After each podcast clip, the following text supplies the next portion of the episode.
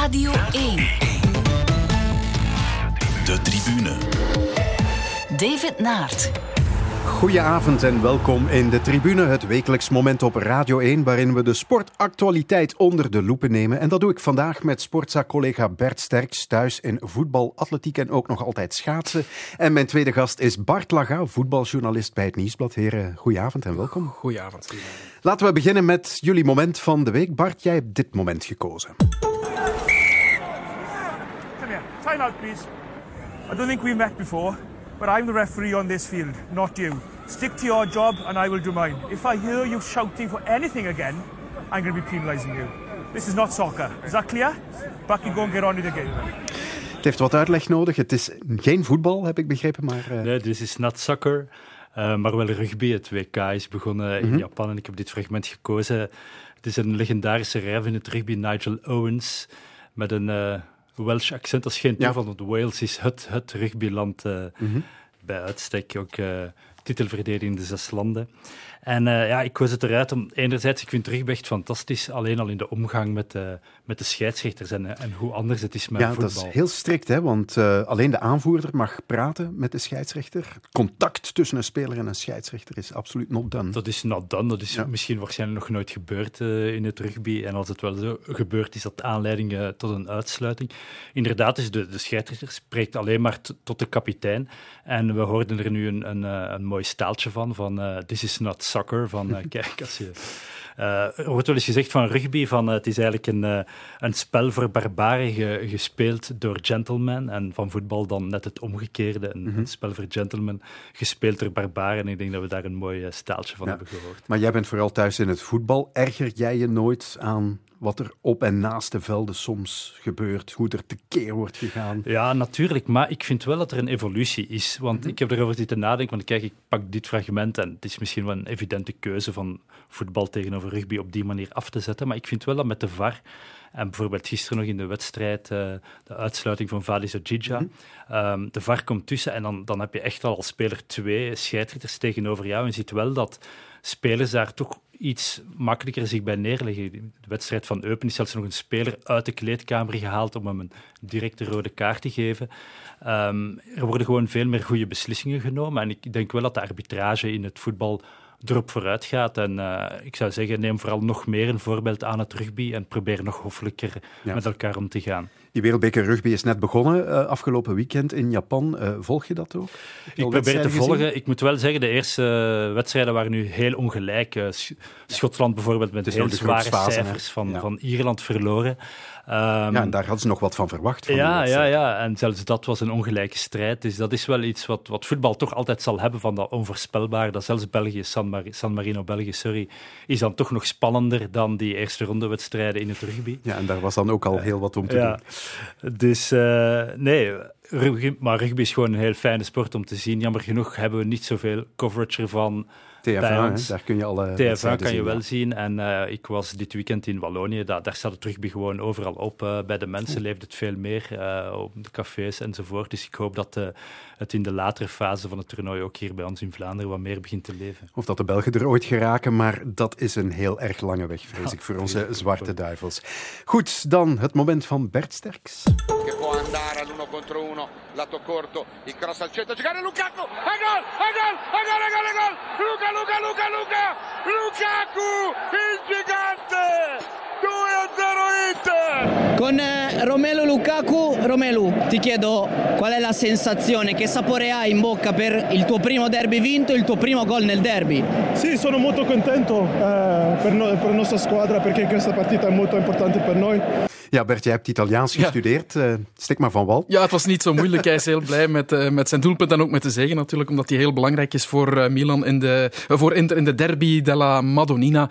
En ik heb Lukaku gekozen omdat hij gewoon niet is weg te branden uit de actualiteit. Het is om de drie, vier dagen ongeveer, denk ik wel wat. Is het racisme? Is het een doelpunt? Is het zijn ruzie met Brozovic? Erg mooi dat ze dan net allebei gescoord hebben. Natuurlijk ook voor de trainer is dat toch even gniffelen, denk ik, dat net die mannen die met elkaar, ik zal niet zeggen op de vuist gaan, maar toch een flinke discussie hebben, dat die dan de derby kunnen beslissen. En ook ja, zijn Italiaans. Hè. Het is wel fantastisch dat hij dat al doet. Hij deed het al een keer bij zijn voorstelling. hè, die man. Ja, ja, hij is eh, heel goed in talen. Hij spreekt heel goed Engels, Nederlands, Frans. Ik dacht nog wel... Legale wat- ook. Ja, inderdaad, ja, ja, inderdaad.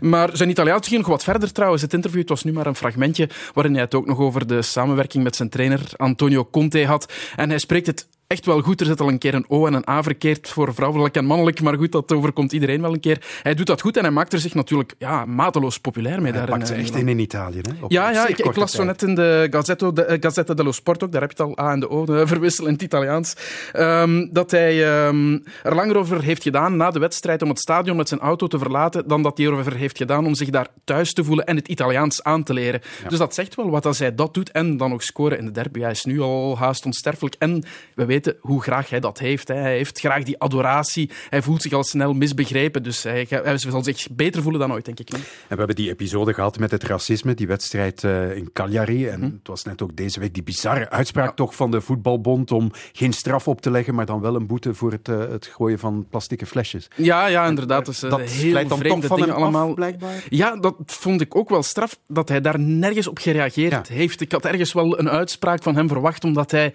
zich wel een keer gebeten voelt op bepaalde manieren, misbegrepen voelt, ook zoals ik zei. onwaarschijnlijk domme, imbeciele Ja, uitspraak ja, van de eh, voetbalbond. Dat je hele, daar nog mee ja, weggeraakt. hele rare interpretatie ook van wat er allemaal rond een voetbalveld gebeurt, inderdaad. En dan was er ook nog die commentator, die analist, die oude man natuurlijk, die eh, het had over de bananen die ze naar hem moeten gooien, die hij dan kan opeten, dat het de enige manier is om hem eh, tegen te houden. Als we dat hier moeten doen op antenne, denk ik niet dat we nog ooit binnenkomen. Hij is wel ontslagen, die man. En, eh, Ja, hij heeft zich nadien ook geëxcuseerd en een hele verhalen rond verteld. Maar Ook goed, de hele mentaliteit is Ja. daar nog Ja, anders. Daar zie je Ouderwetser. hoe diep Italië er nog in zit. En, en, maar ik denk wel, en ik heb er ook met Italiaanse collega's over gesproken, dat eh, Lukaku nu wel de eer toekomt het eindelijk wat in beweging te hebben gezet. En Het bespreekbaar er wordt te nu maken. iets diepgaander over gesproken. En, eh, ik was toevallig in Italië voor die wedstrijd eh, tegen San Marino van de Belgen. In de week dat het actueel is, elke dag stonden er artikels over in. En beetje bij beetje laten hopen, begint de mentaliteit wel te veranderen. Dat het tijd nodig heeft, lijkt me duidelijk. Maar ik denk wel dat Lukaku daar eh, belangrijke bijdragen aan het leveren is op dit moment. Ja, Het is ook nodig. Het is ook niet alleen in, in de topwedstrijden. Dit valt nu op. Ik, ik weet, jaren geleden ben ik een keer in Catania naar het voetbal gaan kijken tegen, ik weet het dan niet meer, Genova of zo. En daar viel het op. Daar waren één of twee zwarte spelers op het terrein en die werden bij elk balcontact uitgefloten. Of het nu van de een of de andere ploeg was, die werden gewoon voortdurend uitgefloten. Dat, dat tekent toch wel het, het probleem een beetje van het racisme in Italië. En ja, zoals eh, Bart zei, het is maar al te goed dat ze daar iets aan doen. De reden dat Lukaku deze keer niet gereageerd heeft, denk ik, is omdat hij de eerste keer natuurlijk wel gereageerd heeft. Dat heeft dan weer een reactie van zijn eigen supporters uitgelokt, die, zich dan, die dan eigenlijk de supporters van Cagliari gingen verdedigen. En dat was natuurlijk een heel vervelende situatie. Voor hem in de eerste plaats, voor Romelu Lukaku, ook voor de club, voor Inter. Ik denk dat daarom Inter tegen Romelu gezegd heeft van kijk, ehm, probeer nog één keer te reageren en dan het te sluiten. Hij heeft er dan nog eens één keer op gereageerd, gezegd voor mij is de pagina omgedraaid en ik ga me nu weer op dat voetbal concentreren. En ik denk dat dat de reden is waarom er nu niet meer zo meteen op is teruggekomen. Dat de uitspraak van de Italiaanse bond eh, nergens op slaat, denk ik dat het overduidelijk is voor iedereen. Daar hoef je niet meer op te reageren. De tribune. Zoals gezegd, we gaan het hebben over voetbal en natuurlijk de clash van gisteren op Jan Breidel. Vormer vrijgespeeld op de linkerkant. Vormer een bal voor de goal. Deli is er nog. Die kopt. En Diatta. Nu erin. Nu erin. Het kon niet blijven duren. Diatta. Bij de 1005e kans is het dan toch de 2-1 voor Club Brugge. En het heeft dus drie kwart wedstrijd geduurd. Eer Superman bij Anderlecht tussen de palen het hoofd moet buigen. Hij heeft echt de indruk dat hij bij Eupen speelt. Ja, ja, ja, Vorige week in de tweede helft. En nu zeker. Hij, dat is eh, Hendrik van Krombrugge natuurlijk, superman en eh, de enige uitblinker bij Anderlecht gisteren. Hoe vaak is dat al gebeurd dat we dat gezegd hebben, dat de man van de match bij Anderlecht een doelman is? Qua symboliek kan dat wel tellen, denk ik. Ik denk vorig jaar ook wel een paar keer, maar minder Toen was het opvallend dan verval nu, al hè, Met die. Dion, die toen ook wel een paar keer de wedstrijden heeft gered. Maar dit was wel eh, ja, met het nodige kunst- en vliegwerk ook van, eh van Krombrugge niet altijd even Voor orthodox. de tweede eh, zondag op rij Ja, ook trouwens. ja, hè, want, inderdaad. ook tegen Antwerpen had de schade al veel groter kunnen zijn. Ja, wat eh, was het verdikt eh, bij, bij jullie, eh, Bart? Want was het knipperen met de ogen? De vraag stellen, hoe diep kan Anderlecht nog zakken? Kan het, Het nog dieper dubbel. zakken? Het was heel dubbel. En waarom? Omdat enerzijds zag je dit wel ergens gebeuren, want je wist van het voetbal van Anderlecht en, en het proces waar zo vaak over gesproken wordt, dat er geen vooruitgang in zat. Integendeel, dat het de laatste weken net in, in de verkeerde richting begon te gaan. Natuurlijk was er wel die overwinning op standaard. Nadien valt dan de international break, mm waardoor je wel enkele weken ademruimte had, waardoor iedereen, denk ik, bij Anderlecht wel begon te geloven van ja, dat, dat, het gaat hier wel lukken. Maar het programma was natuurlijk niet van die aard om, om die reeks te kunnen voortzetten. En ik denk tegen Antwerp zijn ze puur op mentaliteit en zo geklopt, wat een van de belangrijkste dingen is die ontbreken op dit moment bij, mm bij Parswit. En bij Club ging het gewoon om, om een verschil met kwaliteit. Dus verrassend kan je niet meer noemen. Van de andere kant ja, is het wel met de ogen knippen, want dit ben je natuurlijk niet gewoon in die hele tijd dat wij, uh, laten we zeggen, sinds het einde van de 20e eeuw het voetbal volgen met z'n allen, mm hebben we dit niet meer gezien. Het is nog maar van de play-offs van het, eerste kampioen, het laatste kampioenjaar pardon, van Club Brugge geleden, dat Anderlecht nog ging winnen uh, op Jan Breidel met 1-2. Dus zo snel is het allemaal uh, achteruit gegaan. Ja, Bert, wat vond jij ervan? Ja, ik vond vooral heel opvallend dat, hoewel ze geen plaats hadden in die wedstrijd, bij manier van spreken, dat ze toch altijd in die match zijn gebleven, 1-1, 2-1 op het einde, en dat ze zelfs dan nooit de vuist konden maken om ja, toch nog ergens een geloof te vinden van we kunnen hier misschien toch iets halen. Want als die ene kans van uh, de nieuwe verdediger Lucassen erin gaat, dan kunnen ze daar met een mirakelpunt wegkomen. En toch, dat geloof, dat was er gewoon niet meer. En dat komt natuurlijk ook door die lange reeks van ontgoochelingen die ze al hebben gehad. Je merkte ook dat dat niet individueel, of niet alleen individueel is, maar ook een collectief gegeven. Er werd gewoon niet meer voor elkaar geknokt op een bepaald moment. Als er een balverlies werd geleden, ja, ik zag heel vaak dat er geen tweede of derde man kwam inspringen om even dat gat dicht te lopen of uh, het, het, het, werk van de andere even op te knappen. Dat zijn allemaal dingen die ontbraken. En toch hadden ze een mogelijk resultaat kunnen halen op een miraculeuze wijze. Dat, dat, dat zat er echt niet in. Want wat was de filosofie nu eigenlijk van Anderlecht gisteren? Waarmee, ja, welke instelling zijn die aan de aftrap Aan de aftrap brengen van Trebel vooral uh, een beetje de ontkenning van de hele filosofie was die ze tot mhm. hiertoe gevolgd hebben. Hè. Dat was de man die absoluut weg moest. Uh, die, Waar ook heel erg openlijk over gesproken ja, is. Het verhaal is bekend. Veel te zwaar contract ook. Anderlecht staat er financieel heel slecht voor de houding van Trebel is ook beneden alle pijl geweest. Hij is altijd meer loyaal geweest aan zijn makelaar dan aan de club. Daarvoor is hij ooit ook op de vingers getikt, al vorig jaar. Dit jaar was er geen verbetering in dat gedrag. We kennen natuurlijk zijn waarde als speler en dat heeft hij gisteren ook wel bij momenten mhm. eh, zeker laten zien. Maar het staat wel haaks op de filosofie, op de richting die Compagnie uh, en zijn mensen wilden inslaan. Dat men daarop terugkomt, ja, is de vraag, wat is nu de filosofie? Ja, we, zullen het hopelijk weten die eh, spelers zichzelf? zien. Wel, als je Salemakers en Lucassen hoort, uh, denk ik dat, dat, ze het ofwel niet zelf weten, ofwel gewoon compleet het noorden kwijt zijn. Ja, je noemt hem Salemakers, we gaan hem even zelf aan het woord laten. Une fois qu'on est bien installé dans le match comme eux l'ont fait, après je pense que nous aussi on sait, on sait euh, jouer comme ils le font et on, on, on est peut-être même meilleur qu'eux. Donc, euh, donc voilà, mais c'est dommage, mais comme je vous l'ai dit, c'est des points à travailler. Vous y croyez encore, play le titre même? Bien sûr, on y croit toujours. On est compétitif et euh, voilà, on, on va tout donner pour, pour essayer d'atteindre nos objectifs. Anderlecht is competitief en Salemakers zei zelfs dat Anderlecht kan spelen als Club Brugge en zelfs nog beter. Daar hoort eigenlijk vooral dit bij. Hè? Ja, maar er wordt nu met die jongen gelachen. Wat, wat, staat hij daar uit te kramen? Ja, dat hij zegt van we geloven nog in de titel, dat, dat wil ik nog wel aannemen. Want we hebben nu eenmaal een playoff systeem waarbij als je bij de eerste zes eindigt uh, en Anderlecht kan daar nog altijd wel uh, insukkelen. Ze moeten natuurlijk wel nu beginnen winnen, maar het kan nog. Ja, je kunt het niet Dan kan je nog voor die titel spelen. Dat is op zich al heel bijzonder, maar, maar dat kan nog. Dat hij natuurlijk zegt dat... Uh, hij de indruk had dat Anderlecht niet slechter was dan Club Brugge. Dat, dat, ja, dat is inderdaad... En dat ze zelfs beter kunnen. Na zo'n demonstratie werkelijk van Club Brugge. En niet Kijk, één helft, maar bijna een hele wedstrijd.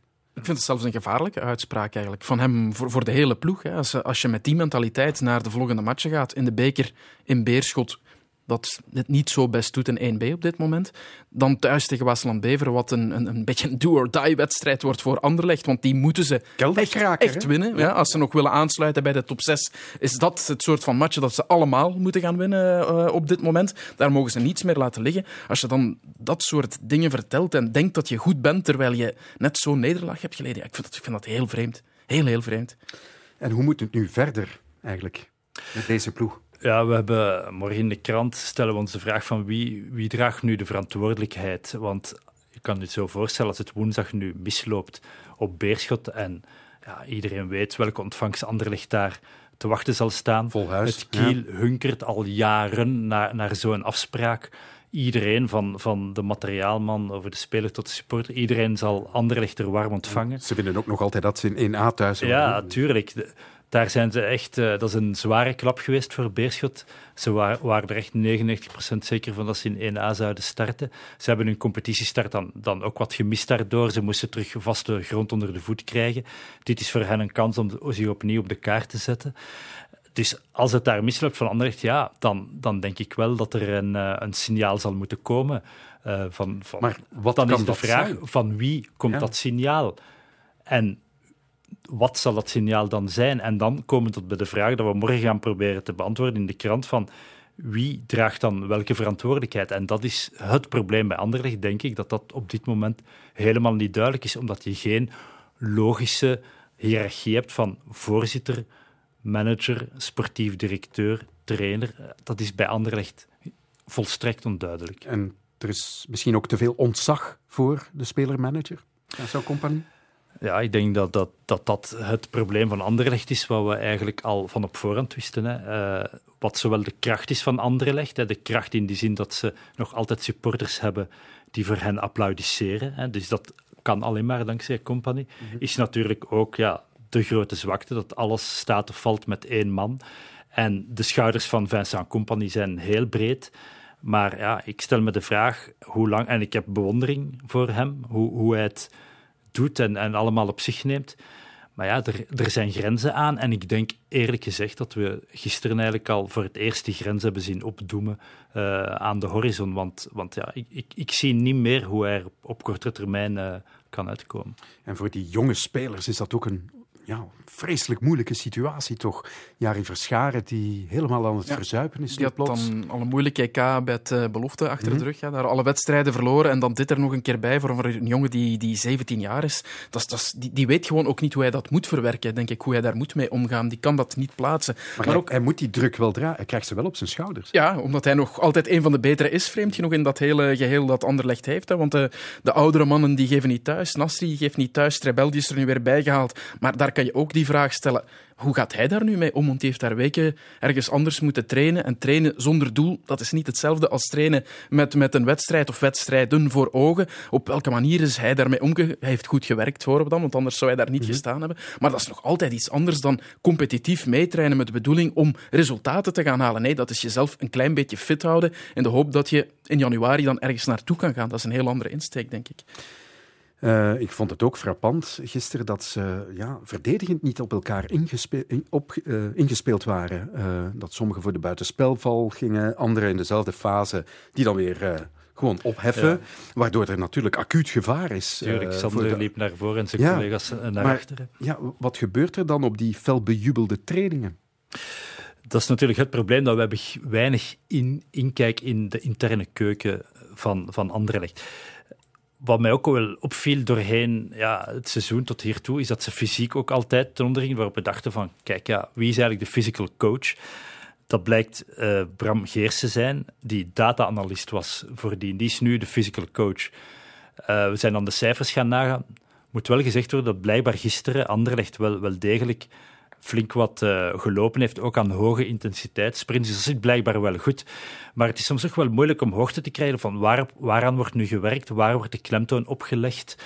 Ehm, ja, dat, dat weten we eigenlijk niet. Wat we wel zien zijn de wedstrijden. En daar ja, zie je dat er voortdurend wisselingen zijn van personeel. En ik denk dat dat gewoon nefast is. En dat een van de belangrijkste problemen zijn van het huidige Anderlecht. Niemand is zeker van zijn plaats. Er zijn geen automatismen. Als jonge speler wordt je er zomaar ingedropt en Ja. dan word je weer afgeserveerd. Ik denk dat je op die manier wel ontdekkingen kan doen, maar dat er evengoed een serieus risico is op het, op het kraken van carrières op die manier. Ja. Uh, we gaan stilaan de blik richten uh, richting Club Brugge. Ehm, voor de wedstrijd, uh, voor dit weekend, werd er, las ik ergens ook, dat men erop speculeerde dat Anderlecht wel frisser aan de aftrap zou komen dan Club Brugge, dat per slot van rekening woensdag nog Champions League had tegen Galatasaray. Maar het leek eigenlijk alsof Anderlecht die wedstrijd in de benen had, hè, die midweekwedstrijd. Ja, ik stel me soms de vraag van, ja, als Club Brugge nu op die manier ervoor was gegaan tegen Galatasaray als tegen Anderlecht, dan hadden we misschien een ander resultaat gehad. Het is duidelijk het probleem met Club Brugge is eh, het scoren, want het is een fantastische ploeg, hoeveel beweging er in, in de ploeg zit. Wat Clément op korte tijd uh, er heeft ingekregen is, Gaat is hem uh, zelf even laten zeggen wat hij ervan vond na de wedstrijd gisteren. Ik moet zeggen, in die twintig jaar dat ik Club Anderlecht al heb meegemaakt, is dit de wedstrijd voor mij dat Club Brugge het meest gedomineerd heeft, de meeste kansen heeft afgedwongen. Dus uh, ja, ik heb een heel sterk Club Brugge gezien vandaag. En ben ik trots over, want dat heb ik tegen Galatasaray ook al gezien. En we hebben nu een aantal posities gewisseld. Dus uh, je ziet dat iedereen klaar is. Ook de jongens die inkomen, doen direct hun rol. Um, en dat geeft veel perspectief voor de volgende maanden. Ja, wat een beelden bij Club Brugge in elk opzicht van het woord. Behalve die doelpunten dan. Ja, ja het, was inderdaad wel, wel genieten van het spel. En ik, ik ben de Club Brugge-watcher uh, voor het Nieuwsblad. Ik ben daar nog niet zo heel lang, maar ik denk dat ik uh, mij wel gelukkig kan prijzen dat ik op een uh, moment van absolute hoogbloei die club ben beginnen volgen. Want ja, je ziet ook dat al die transfers zijn bijna een schot in de roos. En dat is natuurlijk deels de verdienste ook absoluut van, van uh, het hele scoutingapparaat, het hele management dat erachter zit, maar, maar ook natuurlijk van die technische staf en hoe ermee gewerkt wordt. Hij slaagt er dan ook nog eens in om jongeren te lanceren, die het dan ook nog eens goed doen. Maar dat is dan wel natuurlijk op de goede manier. Om, als alles goed zit, kan je dus dat talent wel brengen. En, en dat is gewoon het probleem bij Anderlecht, dat ja, alle goede dingen die er zijn, allemaal riskeren overvleugeld te worden. En bij Club Brugge op dit moment zit alles goed, behalve dat, dat scoren, maar ja, dat, dat moeten ze wel ja, echt, echt iets aan doen, want uh, Peter van Bemt zei zelf de duizend en vijfde kans. Ik denk niet dat hij er ver naast zat. Uh. maar dat, is, dat is iets dat bij uh, Racing Genk vorig jaar ook een probleem was vaak, onder Philippe Clement. Net hetzelfde, het scoren. Daar hadden ze ook wedstrijden die zeker in het begin van het seizoen die ze heel erg domineerden met hun frivole spelers die ze hadden, met de Trossard, met Pozuelo, die altijd wel een idee had, kwamen ze heel vaak voor het doel, op, op goede manieren ook, met, met open scoringskansen. En ook daar werden er toen heel veel de nek omgevrongen. Dus ik, ik ken daar zelf het antwoord niet op, maar misschien heeft het te maken met, met de stijl van voetballen die Clement eist. Is dat een veeleisende, fysiek veeleisende stijl van voetballen, waardoor ze misschien wat minder fris voor doel komen. Maar het is iets dat, dat, dat heel herkenbaar is voor mij. Al moet je wel zeggen dat Van Krombrugge gisteren absoluut ja. een wedstrijd heeft gespeeld. Die zat er ook wel voor iets tussen. Inderdaad, ja, die zit gewend om uh, in, bij Eupen om uh, heel veel kansen tegen te krijgen en uh, inderdaad de mirakels te verrichten. Komt, komt nu wel goed van pas. Wat Club Brugge betreft, het scoren... Ja, ik denk dat het te maken heeft met vorm. David Okereke, dat lijkt gewoon een garantie voor de goals in het begin. Die is dan, uh, ja. staat nu al meer dan een maand droog. Die wordt nu ook aan de kant gehouden. Dan heb je jongens als Dennis Diatta. Die hebben het altijd moeilijk gehad in de 16. Diatta, fantastische speler. Op het moment dat hij in de 16 komt, lijkt hij het overzicht te verliezen. Dennis is een... Ja, is bijna een hopeloos geval, zou ik zeggen. Ik, ik vind het chapeau voor Club Brugge dat ze erin blijven geloven. Ze hebben hem zelfs een contractverlenging gegeven. Ik had het persoonlijk niet gedaan, want ja, je ziet dan die jongen, die speelt vier op de vijf wedstrijden echt voor eigen rekening. Natuurlijk, die ene match dat hij wel top is, is hij fantastisch en is hij waarschijnlijk een van de beste van België. Maar dat is zo weinig voor de ploeg. Ja, dat vind ik echt wel opvallend. Maar ik begrijp wel waarom hij nu speelt, omdat hij wel ja, mm zo geweldig snel is. Op Penda ook, maar heel jong nog. Mm uh, fantastische snelheid. Gisteren ook uh, heel goed ingevallen. Absoluut. Maar ook weer dat scoren dat er net niet uh, van komt. Ja. En dus is de conclusie, je hebt er al even uh, naar verwezen, dat ze tegen Galatasaray, dat was toch echt een gemiste kans voor Club Brugge. Ja, absoluut. Ja, het was ook de thuiswedstrijd Kansen die zich niet vaak meer zullen aandienen. Inderdaad, ja. Het was hetzelfde eigenlijk vorig seizoen nog onder Ivan Leko tegen Dortmund, waar ze ook uitstekend begonnen. Toen kregen ze nog het deksel op de neus, verloren ze nog met uh, 0-1. Dat is nu weggevallen, onder andere prima transfer natuurlijk ook met Simon Mignolet gedaan. Dus die stap hebben ze al gezet, maar ze moeten echt wel de volgende stap zetten. Ik heb een analyse gemaakt na die wedstrijd en ik heb gezegd van kijk, Club Brugge moet af van zijn Peter Pan-complex. Na de loting waren ze allemaal heel blij met ja, we spelen tegen Real Madrid, we spelen tegen Paris Saint-Germain, maar ik geloof dat Simon Mignolet was in onze krant een interview die zei van ja, ik vond dat wel raar, want ik ja, was altijd bij Liverpool gewoon om te hopen tegen makkelijkere ploegen te kunnen spelen in de zeker Champions League. doorgaan. Ja, en dat, dat moet toch uiteindelijk de ambitie worden om niet alleen te mogen spelen tegen, maar er echt iets tegen te halen. Resultaten te halen. Ja, ja. En ik denk, Ajax wordt vaak als voorbeeld genomen voor de Belgische clubs. Ja, dan, dan, dan moet dat echt die volgende ronde het doel zijn.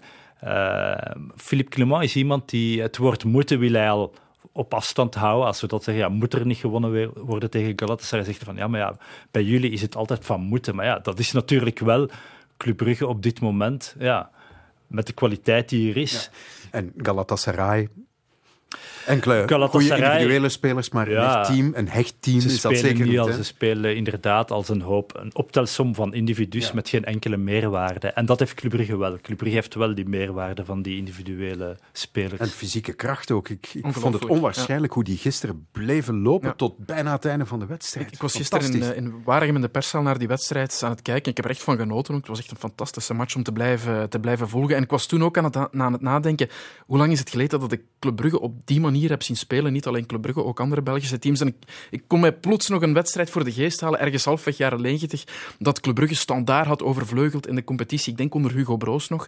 En het 6-1 werd toen ze op achterstand kwamen.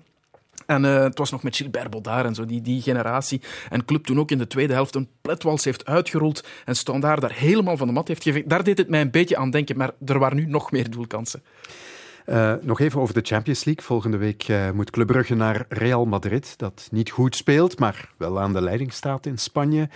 Eh, wat, waar mag Club Brugge op hopen, denk je?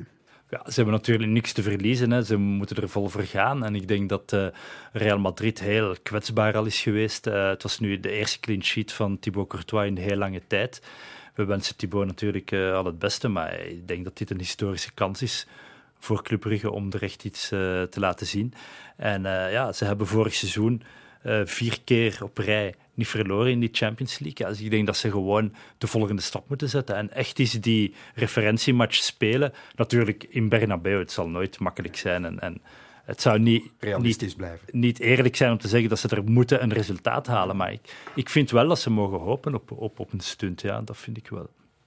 Ja, ze hebben een beetje misschien zoals Galatasaray, met, maar dan met veel meer kwaliteit ook het, eh, het manco een beetje op dit moment dat ze ook niet genoeg een ploeg vormen. Denk ik ook daar zit je met heel veel individuen bij Real Madrid die niet genoeg een geheel vormen op dit moment. En misschien dat het tegen de terugmatch al weer helemaal wat anders is Real bij eh, Madrid de heeft ook een soort eh Adrien Ja, ja. en Garrett Bale, die ook absoluut weg moest. En nu, nu staat hij ook weer in de ploeg. Hè. Dus het, ziet er toch ook allemaal niet zo gezond. Zinedine Zidane, die ooit met, ook toch met vlammende deuren al dan niet vertrokken was. Die dan, als de weer- verlosser weer binnengehaald en Als- ja. nu eigenlijk misschien alweer met Ja, een de voet deur buiten staat staat. alweer, ja, ja, het is, eh, nu ja, het is nooit rustig bij een club als Real Madrid. En eh, klasse te koop, eh, absoluut. En ja, je weet ook in de Champions League, het minste foutje zal worden afgestraft. Club Brugge zal hopelijk, eh, als ze defensief dezelfde prestatie leveren als thuis tegen Galatasaray, is er zeker iets mogelijk. De tribune. Radio 1. En mijn gasten vanavond zijn Bart Laga van het Nieuwsblad en Bert Sterks van Sportza. We blijven nog even in het voetbal. En de Waas laat zich de bal afsnoepen door Wang. Daar is Haaland alleen door voor de 2-0. Jawel, Sebastien de Waas. Wat schiet je tekort op dit niveau. Sebastien de Waas, ja, dan heb je niks te zoeken in de Champions League. Zo hard moeten we dat kunnen concluderen. Daar is Wang alleen voor Koek. Het is 3-0. Het is 3-0. Wat is dat allemaal, Racing Genk. Lukumi, Lukumi nu in de fout. En na 35 minuten is deze wedstrijd voorbij. En als we heel erg hard zijn, misschien ook al de campagne voor Racing Genk in deze Champions League. Ja, dat was een eh, terechte conclusie, vrees ik, van Stef Wijnands na de 6-2-pandoering die het uiteindelijk werd in eh, Salzburg Racing Genk. Ja, ehm, laten we eerst eens beginnen met eh, Genk nu in de competitie eh, in het weekend. Er moest absoluut kosten wat het kost gewonnen worden tegen Oostende. Dat is ook gebeurd. Uh, Mazou zag eh, grinta en passie. Eh, dat weet ik eigenlijk niet of En dat er al was. Maar... Wat andere aanpak ook, ja. andere tactiek die hij heeft gehanteerd. Met, Zijn met eigen spitsen weer. Ja, tactiek. ja. En, en dat is waar hij natuurlijk naartoe moet gaan. Hij heeft te lang geteerd, bijna zou je kunnen zeggen, op wat er stond. En dat heeft niet helemaal goed uitgepakt. Ook omdat dezelfde spelers er natuurlijk niet meer zijn. Dat, erop, dat erop geteerd of er niet durven aankomen? Dat misschien ook wel, dat tweede. Te veel respect voor wat er in Genk stond. Ja, dat denk ik wel. Want uh, bij de Supercup, toen ze die wonnen tegen KV Mechelen, zei hij ook nog, dat is de prijs van Philippe Clement, niet de mijne. Vanaf, vanaf nu begint het eigenlijk pas voor mij. Dus misschien had hij sneller wat eigen accenten moeten leggen, inderdaad. Hè. Dat, uh... Vooral omdat het in de competitie eigenlijk voor geen meter liep tot nu toe. Hè? Nee, nee, en daar was ook al eigenlijk wat nu is gebeurd, dat zat er wat aan te komen, die nederlaag in uh, Salzburg. Want ik, ik, herinner mij een paar weken geleden, zei Sander Bergen ook al een keer na een wat mindere prestatie van ah, dit, dit kan eigenlijk niet meer op deze manier. Uh, we denken nog te veel aan vorig seizoen, dat dat allemaal zomaar gaat lopen. En dat, dat zegt eigenlijk veel, dat ze nog altijd wat met die titel in het hoofd zitten. Dat kan natuurlijk ook wel ja, gewoon zo zijn. Hè. Ze hebben een fantastisch jaar gehad. Ze hebben, niet vergeten, heel veel wedstrijden gespeeld vorig jaar. Ook zoals agent nu Europese voorrondes erbij gehad van in Vola Esch ergens, als ik me niet vergis, uh, vorige zomer. Dat er allemaal bij, mentaal een zwaar jaar. De saga met Pozuelo. Dat zijn dingen die soms pas nadien weer allemaal hun weerslag krijgen op een groep. En dat kan nu natuurlijk ook nog altijd een beetje meegesleept worden. Die, die wederopstanding, denk ik, gaat er wel komen bij Genk, maar wanneer, dat is... Uh... Ja, ik heb Felice Mazou geïnterviewd in het begin van het seizoen. Een interviewreeks, De Tien Geboden. Wel, we hadden moeite om aan tien geboden te komen. De tien geboden van de trainer, van zijn, van zijn principes. Een van de dingen die hij zei van ja, ik wil zeker aanvallend, wil ik op het... Uh, de weg van Philippe Clement verder gaan. Wat er staat is goed, maar ik denk dat het niet zo, helemaal, zo niet helemaal werkt in het voetbal. Ik denk dat dat iets is waar, waar Clement ook week in, week uit mee bezig was. Ook het hele seizoen is aan moeten blijven werken. En dat is niet zomaar iets, een knop die aanstaat, die gewoon blijft aanstaan en de, en de motor blijft draaien. Zo werkt het helaas niet in het voetbal. Als ik dan vroeg, wat zijn jouw principes? En het is echt een fantastische mens, Felice Mazou. Hij kwam dan met le cœur et l'amour. En hij kwam dan met le respect, was een van zijn uh, principes. En ik denk dat hij echt wel de spelers een bepaalde snaar wel kan raken bij de spelers. Hij is een gevoelsmens en dat kan werken, maar het is altijd maar diezelfde snaar. En ik denk dat hij nu gewoon, ja, je ziet dat het echt uit elkaar vallen. Letterlijk, de linies stonden veel te ver uit elkaar. Waarom komen de Waas en Lukumi in de problemen? Omdat ze het middenveld veel verder voor hen staan. Ze moeten nu ze veel meer verantwoordelijkheid nemen en misschien zijn ze wel te beperkt om dat zomaar uh, op te nemen. En kon Clément wel een systeem neerzetten waarin zij ten volle tot hun recht kwamen en, en botsen ze nu op hun beperkingen. En krijgen we nu ook andere spelers te zien ja, wat ze echt waard zijn? Een Sander Bergen bijvoorbeeld die toch ja, redelijk door het ijs is gezakt in, in Oostenrijk. En die vorig seizoen mee in de slipstream zat van, van mhm. die toppers, die ja, ondertussen ook vertrokken zijn natuurlijk. Ik denk dat hij nu wel wat onder zijn niveau zit. Misschien vorig jaar op de toppen van zijn tenen, zou kunnen.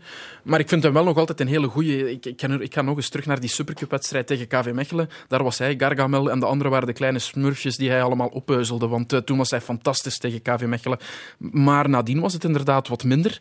Uh, ik, ik, heb hem altijd een, een heel goede gevonden in de, in de recuperatie. De manier waarop hij de balans in zijn lichaam heeft en met een lange sleepbeweging zijn tegenstanders kan voorbij uh, slalommen. Maar op een bepaald punt, hij heeft zo'n een, een radius tot aan, laat ons zeggen, 25 meter van het uh, doel van de tegenstander. En daar stopt het vaak. Dan weet hij niet meer goed, waar moet ik hier nu naartoe? Links, rechts, rechtdoor. Dan, dan stopt het denken even en dan, ja, dan is het vaak toch terug naar achter. Daar zit een beperking bij Bergen. Maar ik denk niet dat we nu de echte Sander Bergen zien. Dat hij wel degelijk veel beter kan dan hij nu uh, laat zien. Hij was vorig jaar ook veel beter omringd natuurlijk. Mm -hmm.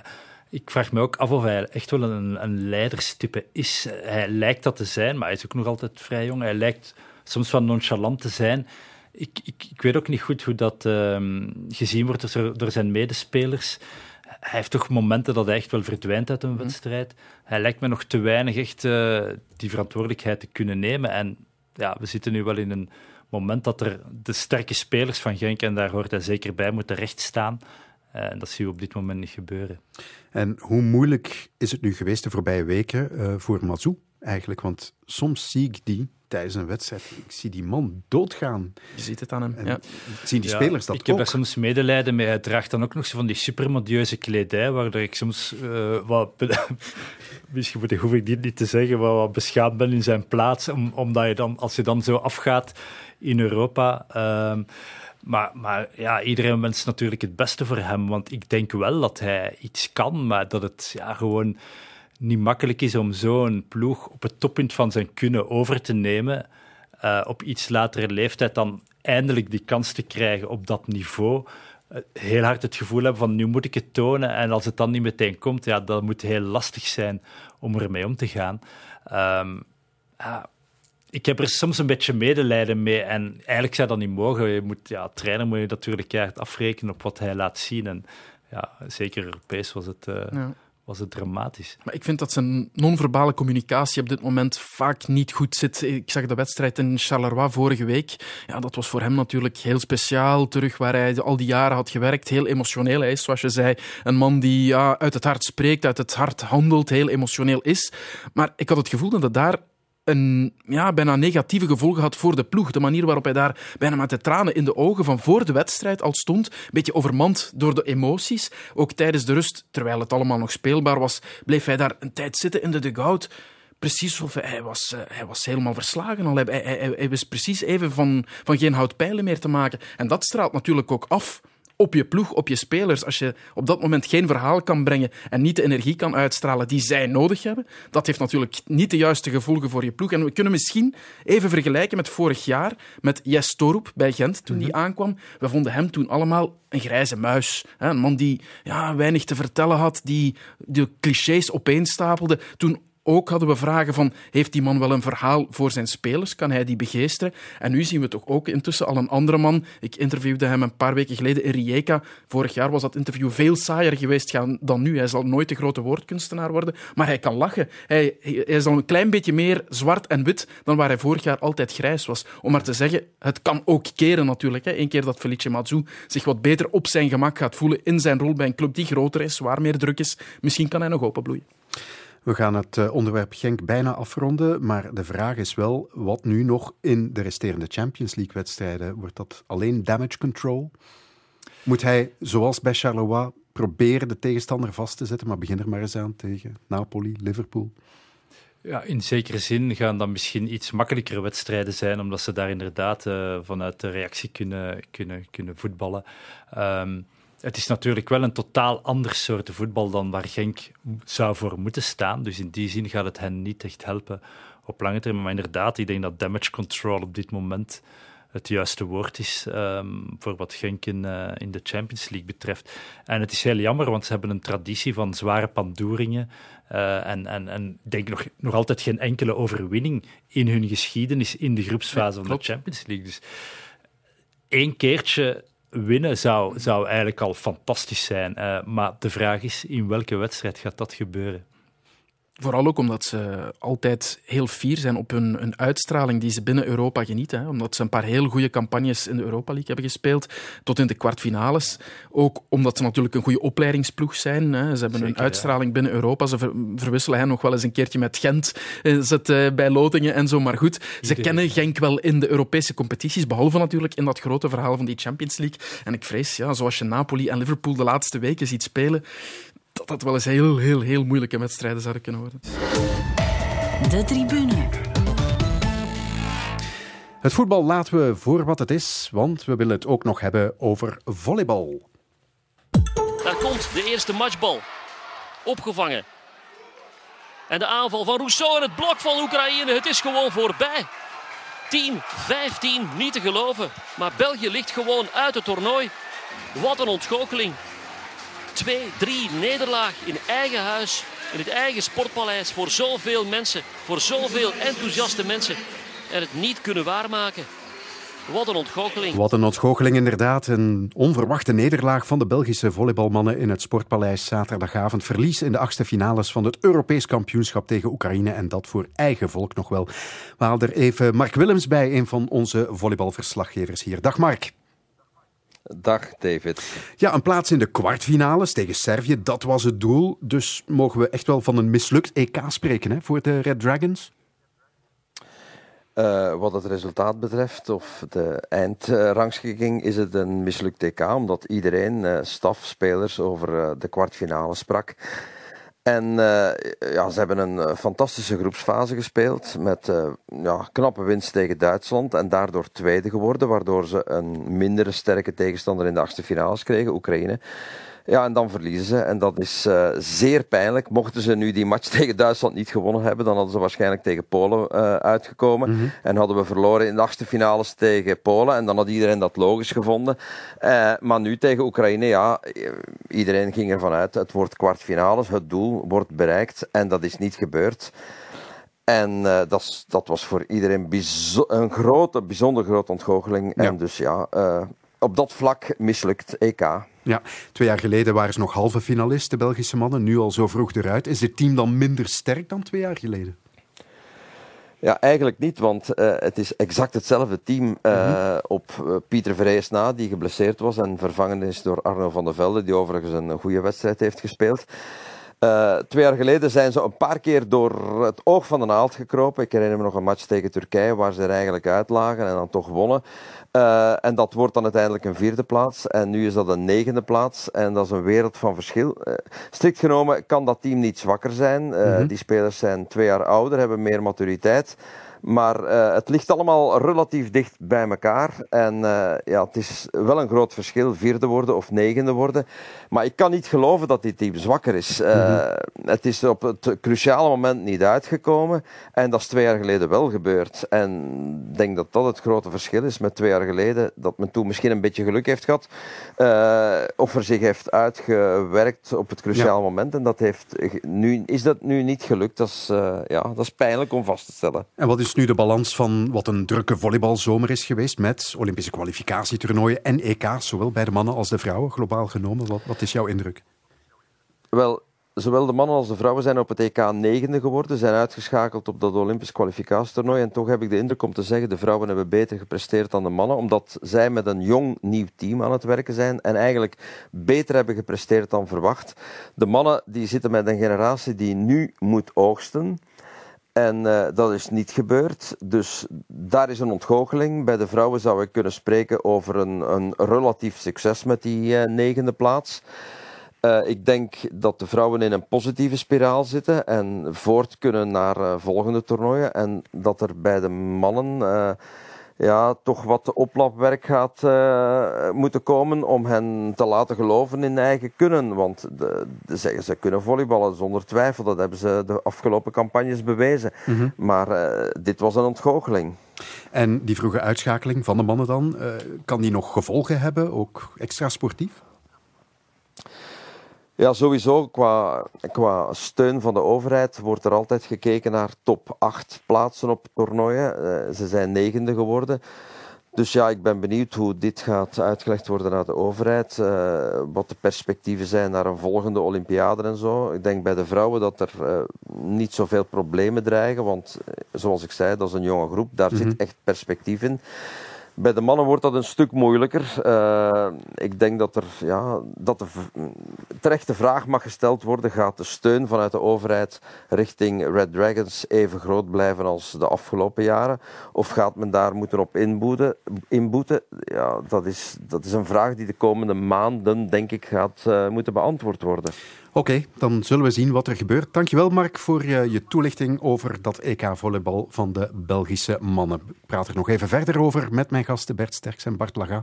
Voetbalmannen, uh, ook volleybalmannen? Niet echt, nee. Ik heb een stukje gezien van de wedstrijd tegen Servië. Die heb ik gezien. En dan Oekraïne heb ik in de auto gevolgd uh, op de radio. Uh, tegen Servië viel het verschil enorm op natuurlijk. Die mastodonten van mannen met de armen zo dik als mijn benen, denk ik, wanneer die opstaan. Ik zou er echt niet voor in de, weg, in de weg willen van staan. Maar ik, ja, het is wel een gigantische gemiste kans natuurlijk. Als je dit in eigen land kan doen, in EK spelen, en dan tegen een tegenstander van een toch blijkbaar minder kaliber, dan heb je op zijn minst één trein gemist. Ik zeg niet dat hij definitief is voorbij gereden, maar in andere sporten merk je wel, zoals ja, hockey misschien, de Belgian Cats ook in zekere zin, die enorm aan populariteit hebben gewonnen door hun goede prestaties en dat ook een tijd hebben meegenomen. En dat miste ik een beetje nu bij de Belgische volleybalmannen dat het niet genoeg leefde om te beginnen. Dat gebeurt vaak ook natuurlijk maar verder in het toernooi. En net op dat punt, wanneer denk ik de fans gaan inpikken richting die kwartfinales, hebben ze het zelf laten afweten. En dat zou, zoals Mark zei, wel een keer grote gevolgen kunnen hebben. En Bart? Ja, ik ben geen volleybal, volleybalkenner, maar wel de zoon van een grote volleybalkenner die mij haar fijn uh, heeft uitgelegd wat er tactisch allemaal misliep. Maar ik denk dat toch vooral ook inderdaad het mentaal, zeker die match tegen Oekraïne, ze komen dan fantastisch terug in die wedstrijd. Je denkt dan ze gaan er overheen. En dan die laatste twee sets, ik denk dat ze geen enkel winnend punt zelf hebben gemaakt. Al hun scores qua waren fouten van Oekraïne. Dan denk ik dat je op dat moment gewoon, ja op dat moment moeten de beste spelers rechts aan. Sam was ver beneden zijn niveau. Um, en ik, het deed mij een beetje denken aan België-Wales op het EK.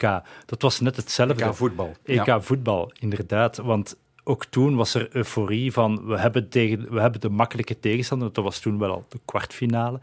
Um, we, gaan, we gaan een historische prestatie kunnen neerzetten. Die wedstrijd was ook dicht bij, zoals in Rijssel, dus ook, laten we zeggen, in eigen land.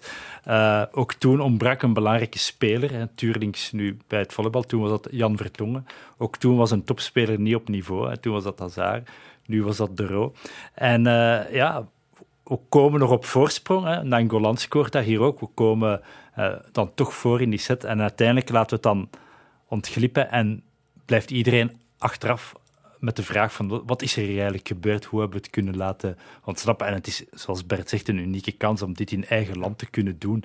Zoveel kansen gaan er helaas niet meer komen voor de Belgen. Ja, en uh, nu is het in het Sportpaleis. Servië, Oekraïne. Leeg Sportpaleis, ja, inderdaad. Ja. Financieel ook nog eens een kater erbovenop waarschijnlijk. Ja, voor de organisatie. ja, dus ja, dat, dit, dit, dit, dit, slepen ze jaren mee, helaas. En, en, dat is spijtig, want dat verdienen ze niet. Zeker niet op basis van wat ze in die groepsfase ook tegen Duitsland enzovoort hebben laten zien. Maar ja, zo zie je dat je toernooi, ja, het is, het is toch iets speciaals. En uh, tegen Servië viel mij ook, ook die mentaliteit op. En wat is dat toch met die Balkanploegen, dat die in gelijk welke sport zo...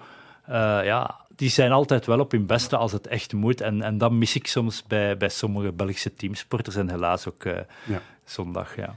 Onze tijd zit er bijna op, maar ik heb wel nog tijd genoeg om jullie te vragen waar jullie naar uitkijken de komende week. Bart. Ik kijk uit, uh, ja, het is weer voetbal, maar naar de Crocky Cup. Uh, en uh, dat is niet omdat we zakken chips krijgen bij, bij de finale in het Koning Boudewijn stadion van de sponsor, maar wel omdat ik het altijd geweldig vind. Club Brugge bijvoorbeeld, die moeten naar de Franc-Borin, die kleine stadions. Ja. Maar ik denk dat nu de match wel Beerschot Anderlecht is waar iedereen op zit te wachten. Live op alle sportzakanalen trouwens. En Bert? Wat? Het 2K Atletiek begint heel kort. En het 2K wielrennen natuurlijk in een streek die me heel nauw aan het hart ligt. In het noorden van Yorkshire. Prachtige streek. Je kan er verdwalen in de mist en in schitterende countrypubs terechtkomen. Maar een heel mooi kader voor dat WK. Dit was de tribune. Zometeen na het nieuws is er Wonderland met Corneel de Klerk.